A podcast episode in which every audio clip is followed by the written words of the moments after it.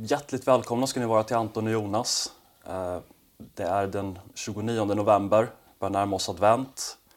Och vi kommer idag prata om Centerpartiet ur ett lite längre perspektiv.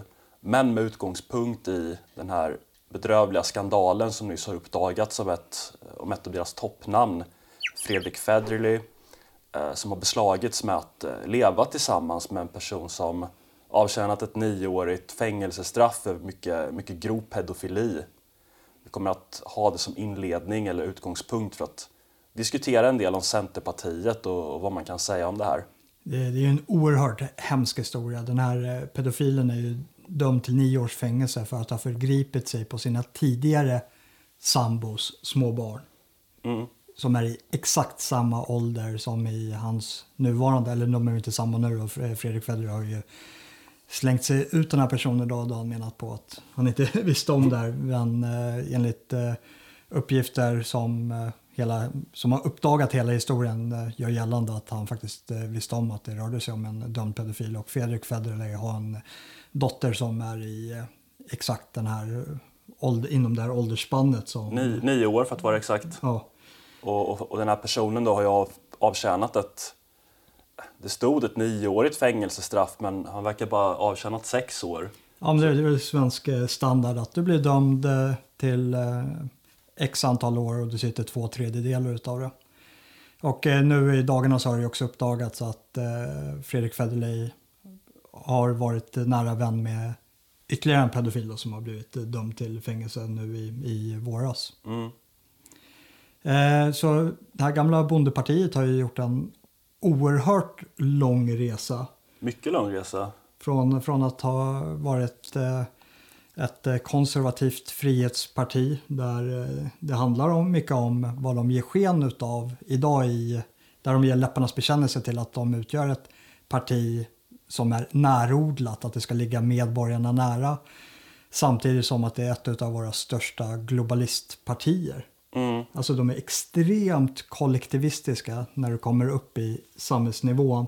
Och den enda friheten som betyder för någonting längre för det här partiet är ju den egna individuella friheten till att enskilda individer ska kunna bryta mot samhällsnormer utan att få negativa konsekvenser mot sig.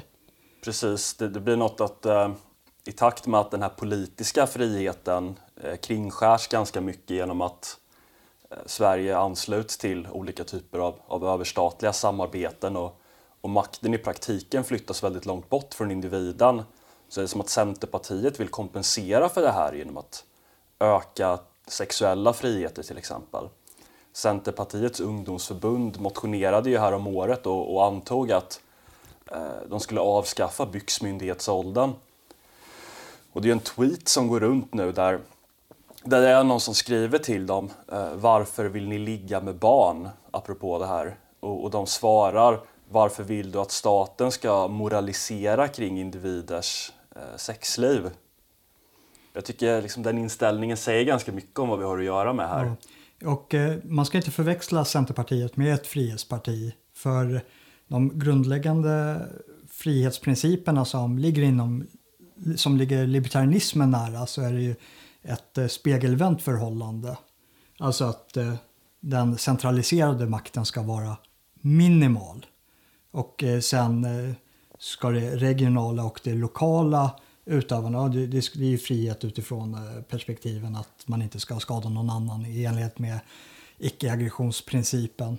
Men det är ju där inom det sociala samlivet över hur normer upprätthålls som håller mycket människor i schack. Mm. Alltså, ska vi ha vår egen omgivning som ska reglera människors beteende eller ska det vara den centraliserade statsmakten? Exakt. Det är väl, eh, jag brukar tänka lite i termer av att det, det handlar om att i gengäld mot att staten drar undan sitt, ja. sitt maktkapital, att vi får en svagare politik men i gengäld så krävs det en starkare kultur. Det vill säga att det är de liksom, kulturella institutionerna som bestämmer, reglerar beteende. Och det är ja, på, på ett, ja, men som du sa, på ett väldigt nä, nä, nära nivå då. Ja, och det, det är där man ser, alltså kanske det varit en ideologisk, en patologisk ideologi ideologisk resa inom liberalismen som eh, utkristalliseras inom såväl Centerpartiet som det gamla Folkpartiet, det är numera Liberalerna. Att eh, när de började verka för de här eh, frihetsfrågorna, för fri marknadsekonomi under ett väldigt starkt socialdemokratiskt Sverige på eh, säg alltifrån 60-talet fram till liksom, modern tid så har det ju varit frågor om liksom, avregleringar och rent så här, marknadsekonomiska ställningstaganden över vad som är gynnsamt. Är det, är det fri marknadsekonomi eller planekonomi? Och eh, i vissa avseenden så har de ju lyckats förskjuta den här blandekonomin mer åt det frimarknadsekonomiska hållet.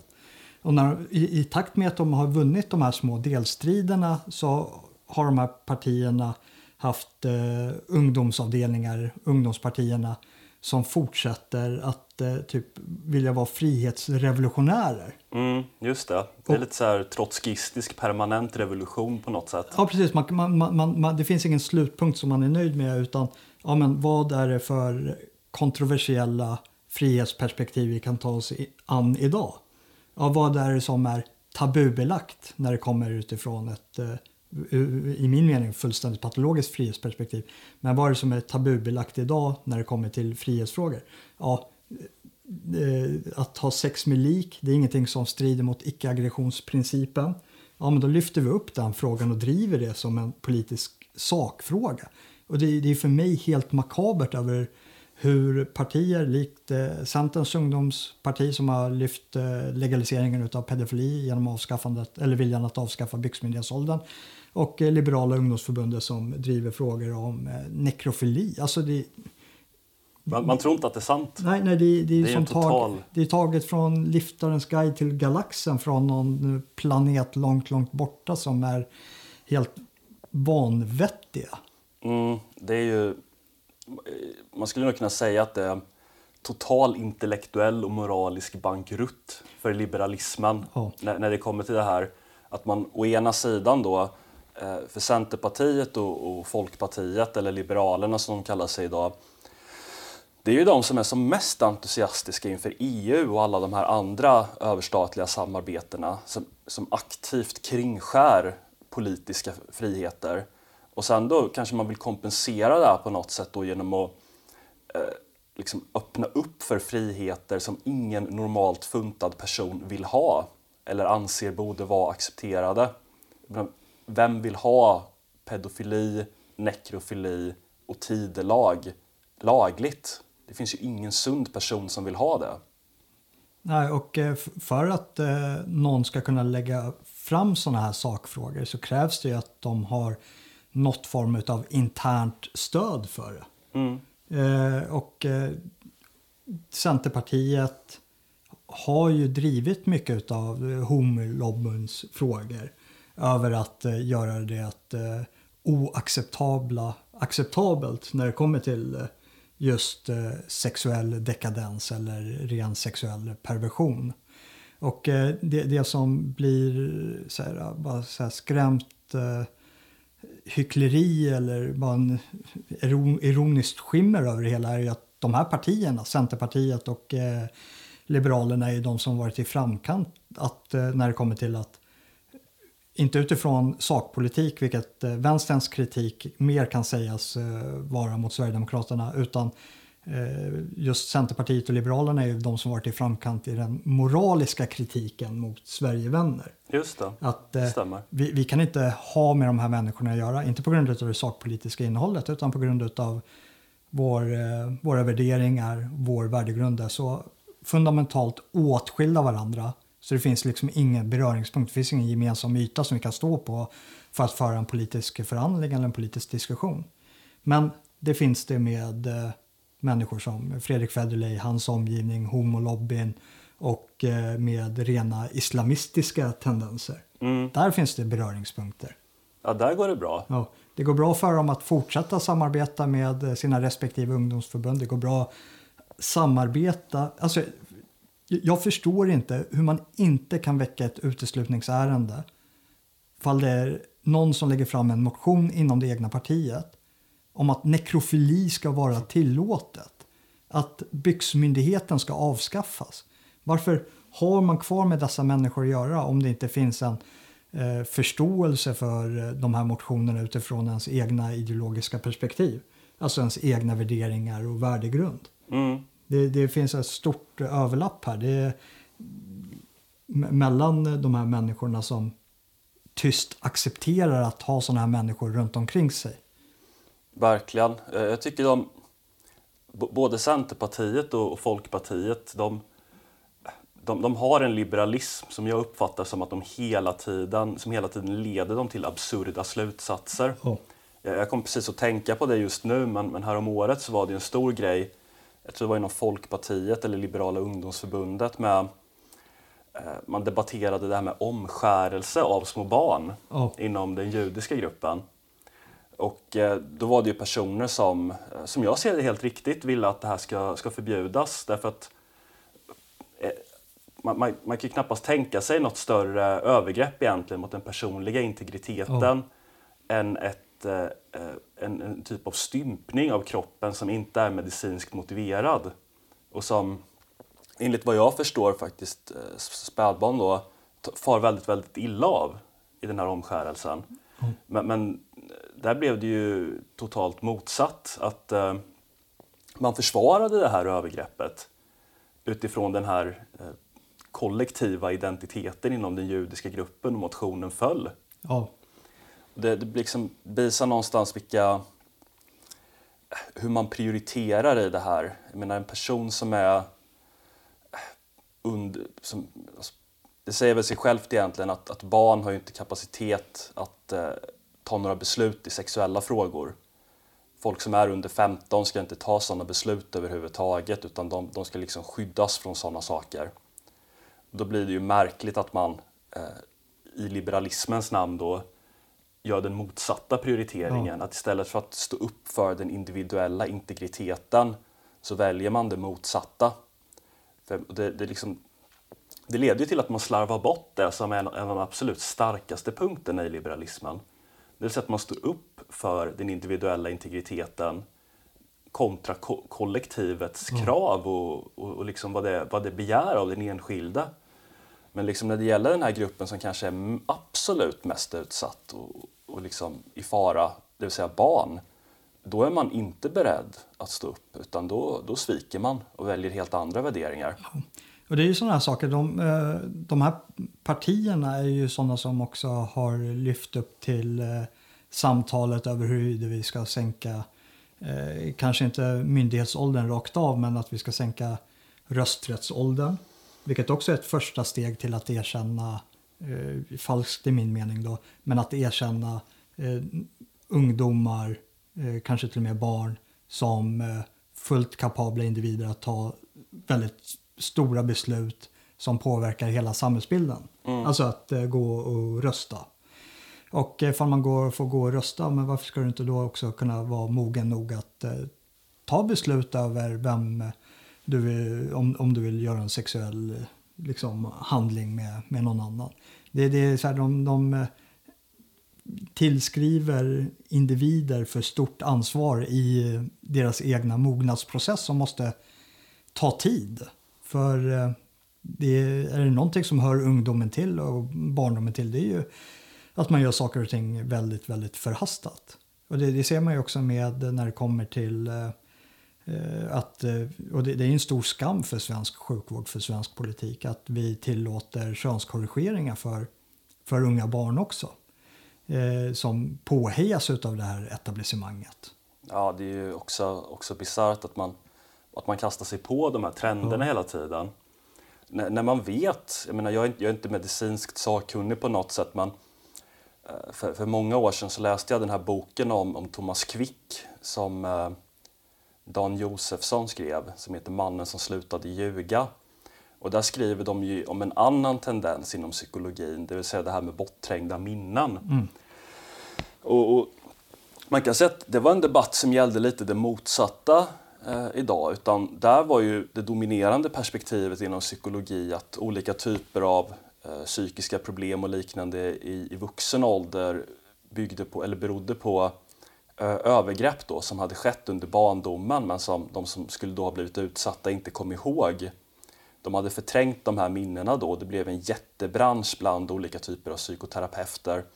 Att man skulle liksom eh, man skulle väcka upp de här minnena igen då. Man skulle plocka fram dem genom terapisamtal. Mm. Men, men, det som skedde var ju det rakt motsatta då när man liksom kunde utvärdera det här. att eh, Oftast då, jag ska inte säga att det alltid är så, men, men det jag kunde läsa mig till så är det så att våra hemskaste minnen det är de vi bär med oss, det är de vi kommer ihåg.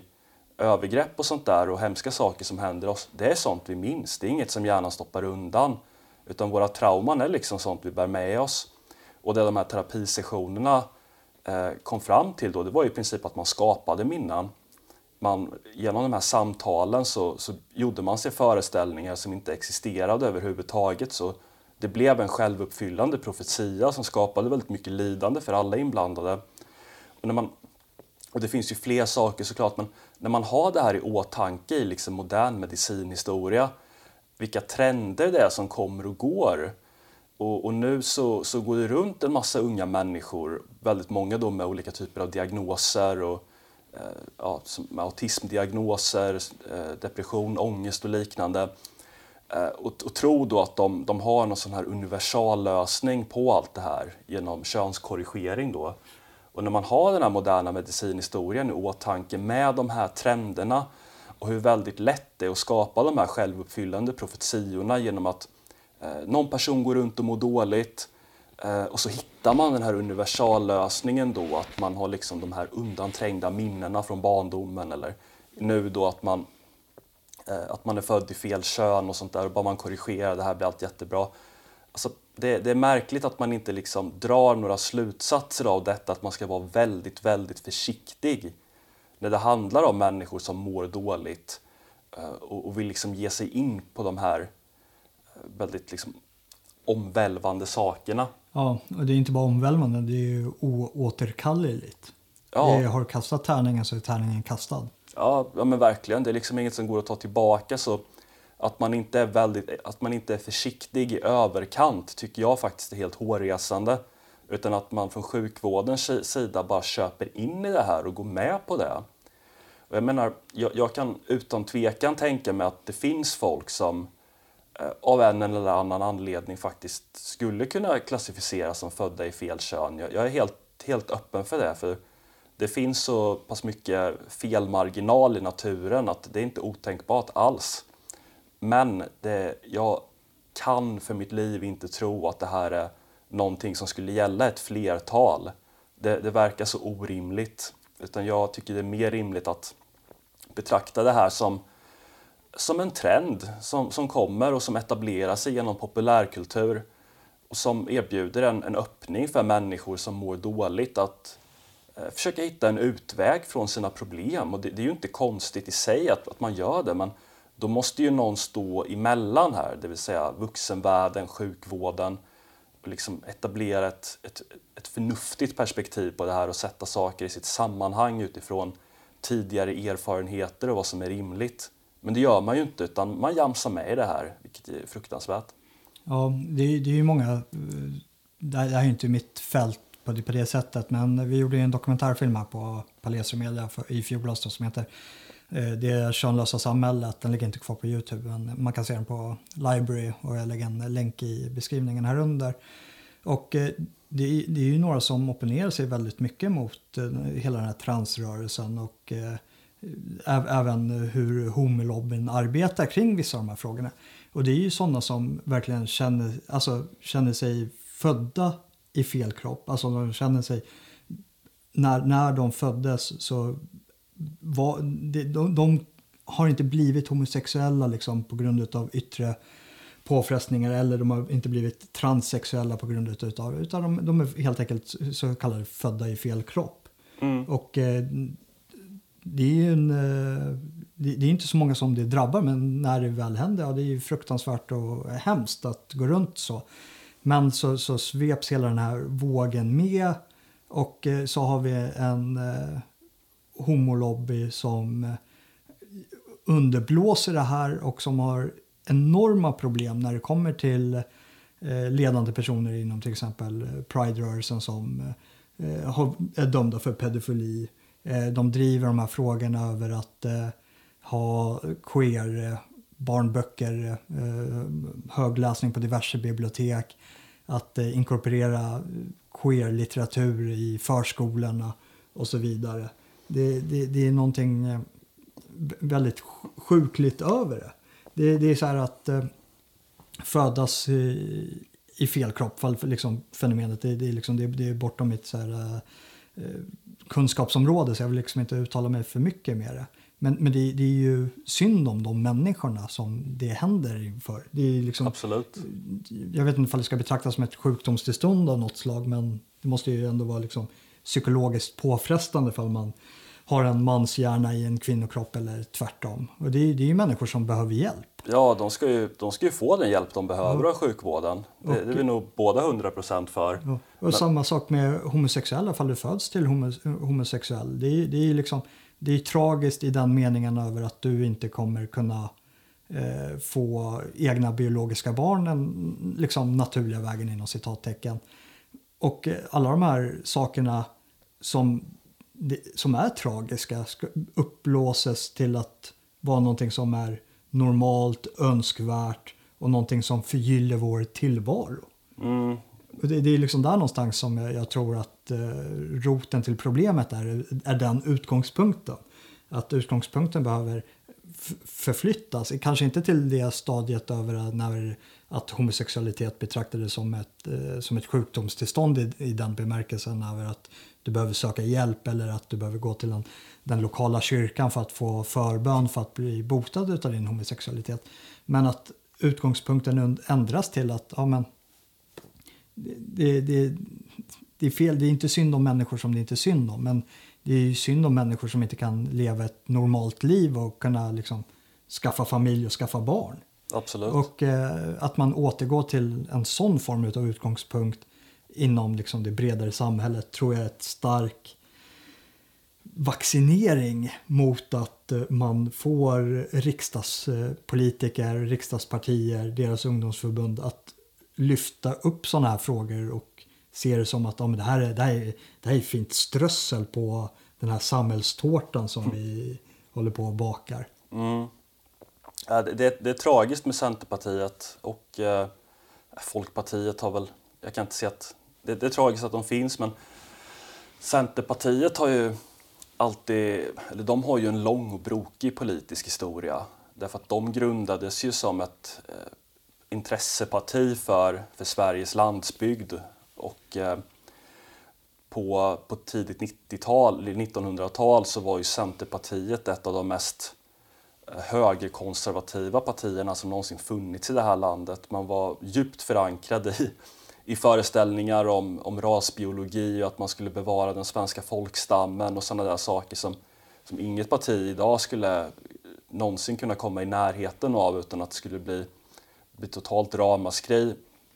Och sen under efterkrigstiden så, så utvecklade de sig till ett eh, något rumsrenare då, parti men, men fortfarande med, med tyngdpunkt i landsbygden och eh, land, lantbrukarnas intresse och Centerpartiet, det, det, tror man ju inte idag för idag är profileringen ett, ett litet elitparti som eh, där tyngdpunkten ligger i, i städerna, framförallt Stockholm.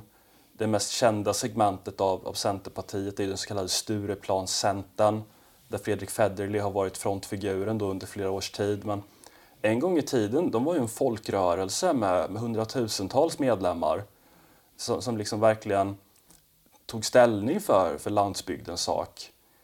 Eh, sen, det är svårt att sätta någon exakt tidpunkt men, jag vet att Centerpartiet drabbades ju, eller drabbades, de, de påverkades väldigt hårt av den här gröna vågen på 70-talet. Och, och, de gick i eh, på, på ett sätt så blev de lite eh, en borgerlig vänster kulturellt sett eh, från och med det. Utan man, man tog ställning för väldigt mycket av de här gröna frågorna och man började motsätta sig kärnkraft och, och sådana där saker. Och det var ju Fälldin som inte kunde, kunde dagtinga med sitt samvete där i kärnkraftsfrågan. Och så, man har gjort, eller om det var Öresundsbron, jag, jag blandar ihop lite men man, man har i det här, den här liksom konstiga förvirringen och man har försökt orientera sig eh, i ett politiskt landskap där det liksom, den här intressegruppen man haft, bönderna, har inte varit lika stark längre och man har börjat försöka nå ut i, i andra riktningar så har man liksom gått igenom perioder av förvirring som jag ser det, där man har tagit sig an de här lite kufiska gröna frågorna, typ motstånd mot kärnkraft eller eh, motstånd mot Öresundsbron som ju helt, var helt galet på den tiden. Och, och, och sen, sen går, går, man över, man hittar, man hittar sig själva i den här liberalismen då någonstans mot, mot bakgrund av den här förvirringen och den här långa marschen då när man, man är ett parti som söker sin, sin väljargrupp på något sätt för att den, den är inte självklar längre. Och idag så skulle jag säga att Centerpartiet är nog tillsammans med Folkpartiet är de partier som jag tycker mest illa om faktiskt. Om jag ska göra en personlig värdering. För jag, jag kan ändå, jag tycker inte om Socialdemokraterna och Vänsterpartiet heller. Jag sympatiserar ju inte med dem. Men jag kan ändå ha en grundläggande respekt för dem.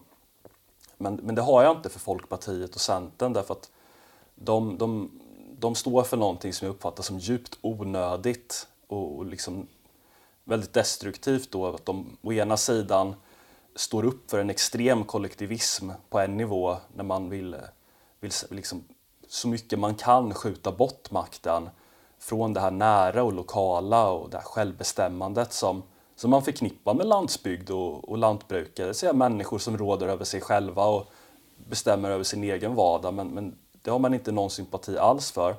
Och sen försöker man på något sätt med andra handen då stå upp för en en vidrig form av frihet som liksom ingen normal människa vill ha. Och hade du lagt fram det här på 70-talet till bönder om att man skulle legalisera pedofili så hade ju högrepan åkt fram, och med all rätt. Ja. Eh, Passar bra till en brygga för eh, jag sitter med min iPad. Jag, jag har tagit eh, fyra screen, screenshots på, på några tweets och den första är ju eh, Fredrik Federley som ställer en, eh, ett ord gränslös punkt med vänliga hälsningar, moi. Mm. Och det, det, det, är där någonstans det blir, blir så talande med, eh, med deras frihetsperspektiv. Att det, det handlar om att bryta upp normer och eh, det är det som är själva grunden med liberalismen. Det, det hade ingenting med, med normerna att göra. Normer är vårt sätt att vilja leva som, har, som är nära förknippat med den egna kulturen. Och den liberalistiska rörelsen, vad som fick luft under vingarna hade ingenting med normer att göra. Utan det handlar om att bryta upp regleringar. Mm. Ja men verkligen. Och eh, för, för det egna levnadssättet måste vara i linje med det normativa levnadssättet. Alltså att det, det klassiskt liberala perspektivet är att det är värre att bryta mot en norm än vad det är att bryta mot en skriv, nedskriven eh, reglering som är skriven av någon långt där borta i någon, eh, som i Stockholm fall jag är bonde i Dalarna. Mm. Det är mycket värre för mig som en dalabonde att bryta mot bygdens förhållningssätt till varandra och hur vi väljer att leva i den bygden än bara att skriva, strunta i en reglering som någon i Stockholm har skrivit över ja, men hur många spendrag man ska dra på kossan innan man inte får mjölka längre. Eller vad det än må vara. Ja men verkligen, jag, jag, håller med om det till 100 procent. Det blir ju två helt olika typer av frihetsideal mm. som liksom inte har något med varandra att göra egentligen. Och man, kan, de, man, man, kan tycka då att de här människorna borde företräda det ena frihetsidealet och det, det, är ju för att bonden i Dalarna, eller vad, vem det nu är som bor i Dalarna, mm. ska slippa att få hela sitt liv och hela sin verksamhet reglerad av en massa typer i Stockholm som inte har en aning om vad han håller på med eller vilka förutsättningar han har att jobba efter. Och därav den falska och helt oärliga sloganen av Centerpartiet utav den här närodlade politiken som de säger i läpparnas bekännelse samtidigt som de skyfflar mer och mer makt åt Bryssel. Ja, vilket man kan tycka än mer att om, om man nu är emot Stockholmsdominansen på Sveriges landsbygd så borde man ju än mer vara emot eh, Bryssels dominans. Jag menar, vad vet de i Bryssel om svenska lantbrukares förutsättningar? Faktum är ju att EU är ju något av EU har ju någon sorts nästan pervers relation till den svenska landsbygden. Därför att vi, vi reglerar ju våra bönder stenhårt på, i Sverige på ett sätt som man inte gör i andra länder när det gäller allting från djurhållning till användning av antibiotika och allt ni överhuvudtaget kan tänka er. Så det är mycket dyrare och svårare att vara en bonde i Sverige Varpå det blir dyrare för oss svenskar att köpa svenska bönders produkter. Och eh, vi, många svenskar är hårt ansatta av det svenska skattetrycket som skyfflar eh, vår, eh, våra resurser åt helt fel håll. Eh, ska inte röra våra resurser. Staten har inga egna medel förutom de de tar in och de tar in det från oss svenska medborgare. Och så går man på Lidl och så har du den svenska mjölken och så har du den tyska mjölken. Nu handlar inte jag på Lidl själv så jag vet inte ifall det här exemplet faktiskt är sant. Men jag, jag föreställer mig att det finns svensk mjölk och det finns tysk mjölk. Eller någon polsk mjölk eller mm. någon annat. Och det behöver inte vara mjölk, det kan vara någon annan mejeriprodukt eller någonting annat som kommer från, från jordbruket. Ja, skillnaden i pris beror ju på EU-regleringar. Eller de svenska regleringarna. Ja, och fram, framförallt är det ju så här att EU, för, för det man skulle kunna göra, för saker och ting måste ju gå åt båda hållen om det ska mm. funka. Det vill säga att eh, om, vi säger, om, om staten säger till svenska bönder att ni kommer vara stenhårt reglerade, era kostnader för djurhållning och allt kommer skjuta i höjden. Då måste man ju ge någonting tillbaka, det vill säga att svenska bönder ska ha företräde när det kommer till lokala upphandlingar till exempel. Mm att när kommunala verksamheter, offentliga verksamheter ska köpa in produkter då är det svenska bönder som ska premieras av det, alltså de liksom får någonting tillbaks. Men så är det ju inte och det är på grund av EU som ja. det är så. Och eh, fräckheten slutar inte där. Utan EU, de skickar ju tillbaka lite. Mm. Och när de har skickat tillbaka lite, ja, då måste du krypa till korset, sätta upp en liten skylt där det står att ja, det här är delfinansierat utav EU. Ja, det är så alltså, kan man, ja, det är någon större käftsmäll får man leta efter. Eh, har du något mer att säga om den här tweeten? Ja, Gränslöst. Vet vad, låt mig bara ta ett citat jag hörde en gång. Ja. Det, det är från någon libertarian, jag kommer inte ihåg vad han heter, men han sa att det som staten gör bäst är att bryta båda dina ben och sen ge dig en rullstol och säga att kolla utanför stat, utan staten skulle det inte vara möjligt för dig att gå. Ja, och bäst att du tackar. ja, jag är glad för det. Ja, annars kommer Skatteverket att göra en revision mot dig också. Eh, nästa, nästa tweet, eh, det, det, är ju på, på, det är på Twitter det händer. Eh, ni kan följa både mig och Anton, jag lägger, lägger våra adresser här under. Folk har ju letat upp gamla tweets och delar som har lite anknytning till, till vad som händer här.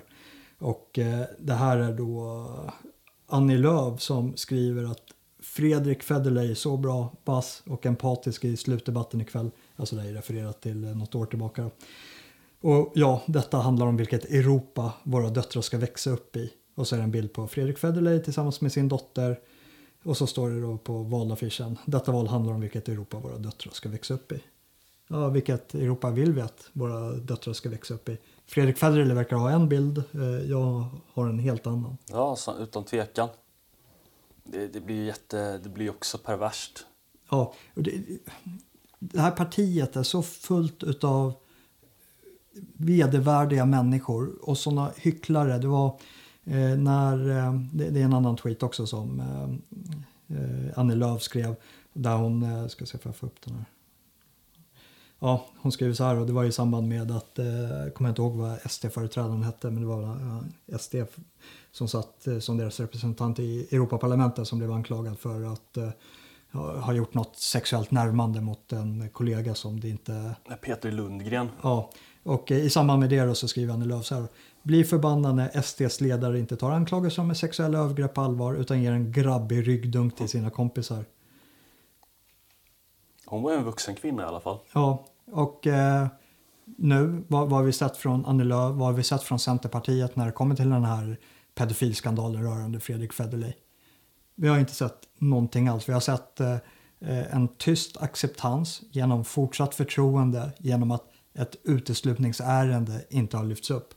Nej, sannolikt inte kommer det lyftas upp heller. Troligtvis inte. Uh, har du någon till poäng på det? Nej. Nej. Nej. hennes tweets talar för sig själv. Liksom. Okej, okay. eh, för bara någon dag sedan, samma dag som det här uh, med Fredrik Federley avslöjades, så går Centerpartiet ut. De har skrivit en debattartikel som publiceras på Expressen och så delar de en tweet här. Och Centerpartiet har länge drivit på för att sexualbrottsärenden mot barn ska prioriteras högre. Särskilt på tre områden. Utredningsresurserna måste öka, fler måste få rätt utbildning och straffen måste skärpas. Signerat Annie Lööf. Och det här är alltså samma dag som avslöjandet om Federley. Det kan ju inte vara en slump. Det är inte en slump. Jag har svårt att se det. Det, det här är en av de mest cyniska skademineringarna som jag som politisk eh, betraktare har iakttagit någonsin. De går ut och skriver en sån här krön, eh, debattartikel över att ja, men vårt parti måste stå upp för barnen som blir utsatta för sådana här övergrepp. Ett övergrepp eh, uppdagas, eller liksom den, den miljön uppdagas inom det egna partiet samma dag som det här släpps. Och det, det är som ett eh, så här, rotsystem viner förbi en eh, öde vilda västern-stad. Mm. Det är noll eh, erkännande inom den egna krishanteringen att de har enorma problem med just de här frågorna. Det, det är ju inte karaktäristiskt för partiets politik att man skulle, de är ju inte ett lag och ordning-parti. Nej, verkligen inte. Men det här är ju någonting som typ Sverigedemokraterna eller Moderaterna skulle kunna släppa. Men Ja. Och som, där har du ju också partier. Ja, SD skulle ha uteslutit en sån här människa på stående fot. Jag tror Moderaterna skulle ha gjort det, jag tror KD skulle ha gjort det. Centerpartiet gör det inte, Liberalerna gör det inte. Vänsterpartiet och sossarna låter jag vara osagt. Miljöpartiet tror jag inte heller skulle göra det. Det, det är liksom där någonstans så har du en sån här värdegrunds skiljeaktning över eh, hur det politiska klimatet ser ut i, i Sverige. Och det kanske är det som borde definiera blockpolitiken framöver snarare än det sakpolitiska. ja, ja men faktiskt. Jag kommer att tänka på Per Gudmundsson tweetade häromdagen. Ja, vad ska jag? Det var inte om det här, men det var rätt kul. Det går att Ja. applicera. Det var om eh, han, som, han som tidigare var eh, politisk redaktör på Svenska Dagbladet, Håkan Hagvall. Ja. Han, han har avlidit ganska nyligen. Det var en anekdot om att han, de satt då och åt lunch med honom. Och sen plötsligt så tystnade han och stirrade ut i, i tomheten då. Ja. Och så sa han att det kommer en tidpunkt i varje politiskt tänkande varelses liv där man börjar hata Folkpartiet. Jag skulle Ja. vilja säga detsamma om Centerpartiet. Och, och jag tror att eh, vi har ganska många borgerliga tittare på den här kanalen, även fast vi är en tydligt eh, Sverigevänlig profilerad kanal. Inte där, inte sagt att eh, den folkliga delen av borgerligheten inte är Sverigevänner, för det tror jag att de är. Jag tror de flesta eh, som röstar på eh, konservativa partierna eh, värnar sin lokalort i alla fall. På ett helt annat sätt än vad de värnar rikspolitiken. Och det, det, det finns någon dissonans där i, i, nu pratar jag till er som känner er träffade, eh, i ert sätt att tänka. Jag är ju uppvuxen i Sigtuna och vi hade ju ett eh, lokalparti där som hette Samling för Sigtuna och det var ju tydligt eh, borgerligt profilerat. Och där, det var ju lokalpatrioter som ville det bästa för Sigtuna stad och skiljas från eh, problemområdena i, i Märsta och Vallsta som är eh, tydligt gettofierade. Och eh, företrädarna där, eh, representanterna där är ju lokalpatrioter. Liksom i ordets rätta bemärkelse. Men så fort det kommer till rikspolitiken så är man inte, har man inte längre det synsättet utan man har andra eh, frågor som är viktigare för att det blir för dis- distanserat för en antar jag. Att det, det är så långt borta än och då blir det andra frågor som är viktigare, till exempel ekonomiska frågor. Så då är det viktigare att rösta på Moderaterna där men lokalt, ja men då är det viktigare med bygdefrågorna över hur vi lever, vilka vi kommer ha som grannar, vad är det för värderingar som finns, vad finns det för normer. Eh, att eh, de pengar som vi betalar in ska liksom gå, gå till det, det, det fortsatta välmåendet i, i vår egna ort. Men det försvinner som helt i, i rikspolitiken. Ja, jag har väl inte eh, det här ämnet till men det var någonting jag kom tänka på nu. När, Ja, det, det är inte helt irrelevant. nej. Eh, ja, vad- har du något, eh, något mer på, på ämnet? Jag jag skulle bara vilja avsluta med att säga att jag, jag tycker, nu klumpar vi ihop Folkpartiet och Centern lite grann, men, men de, det är ju lite två, det är två ansikten på samma huvud lite grann som jag ser det, som står upp för någonting liknande med extrem vurm då för globalisering samtidigt som man, man låtsas då stå upp för individuella friheter. Men det är att eh, liberalismen som de här partierna eh, representerar den är helt moraliskt bankrutt. Intellektuellt bankrutt också. Och det, det skulle nog inte finnas någon större välgärning för svensk politik just nu än att eh, just de här två partierna åker ur riksdagen vid nästa val. De, de har inget existensberättigande längre.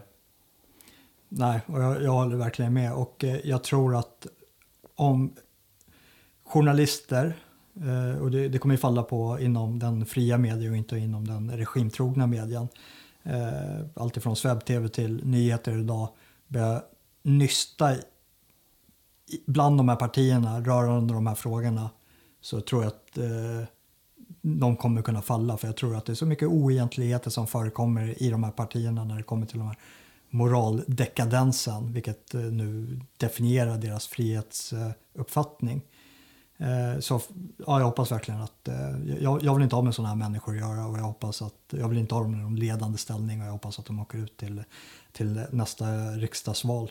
Ja, sannerligen. Ja kontroversen är liksom inte att de inte vill samarbeta med, med SD utan det borde vara liksom övriga, övriga riksdagspartier som bara men alltså vi, vi kan inte ha mer att göra. Ni, ni, ni är sjuka i huvudet för att använda ett folkligt språkbruk. Ja, verkligen.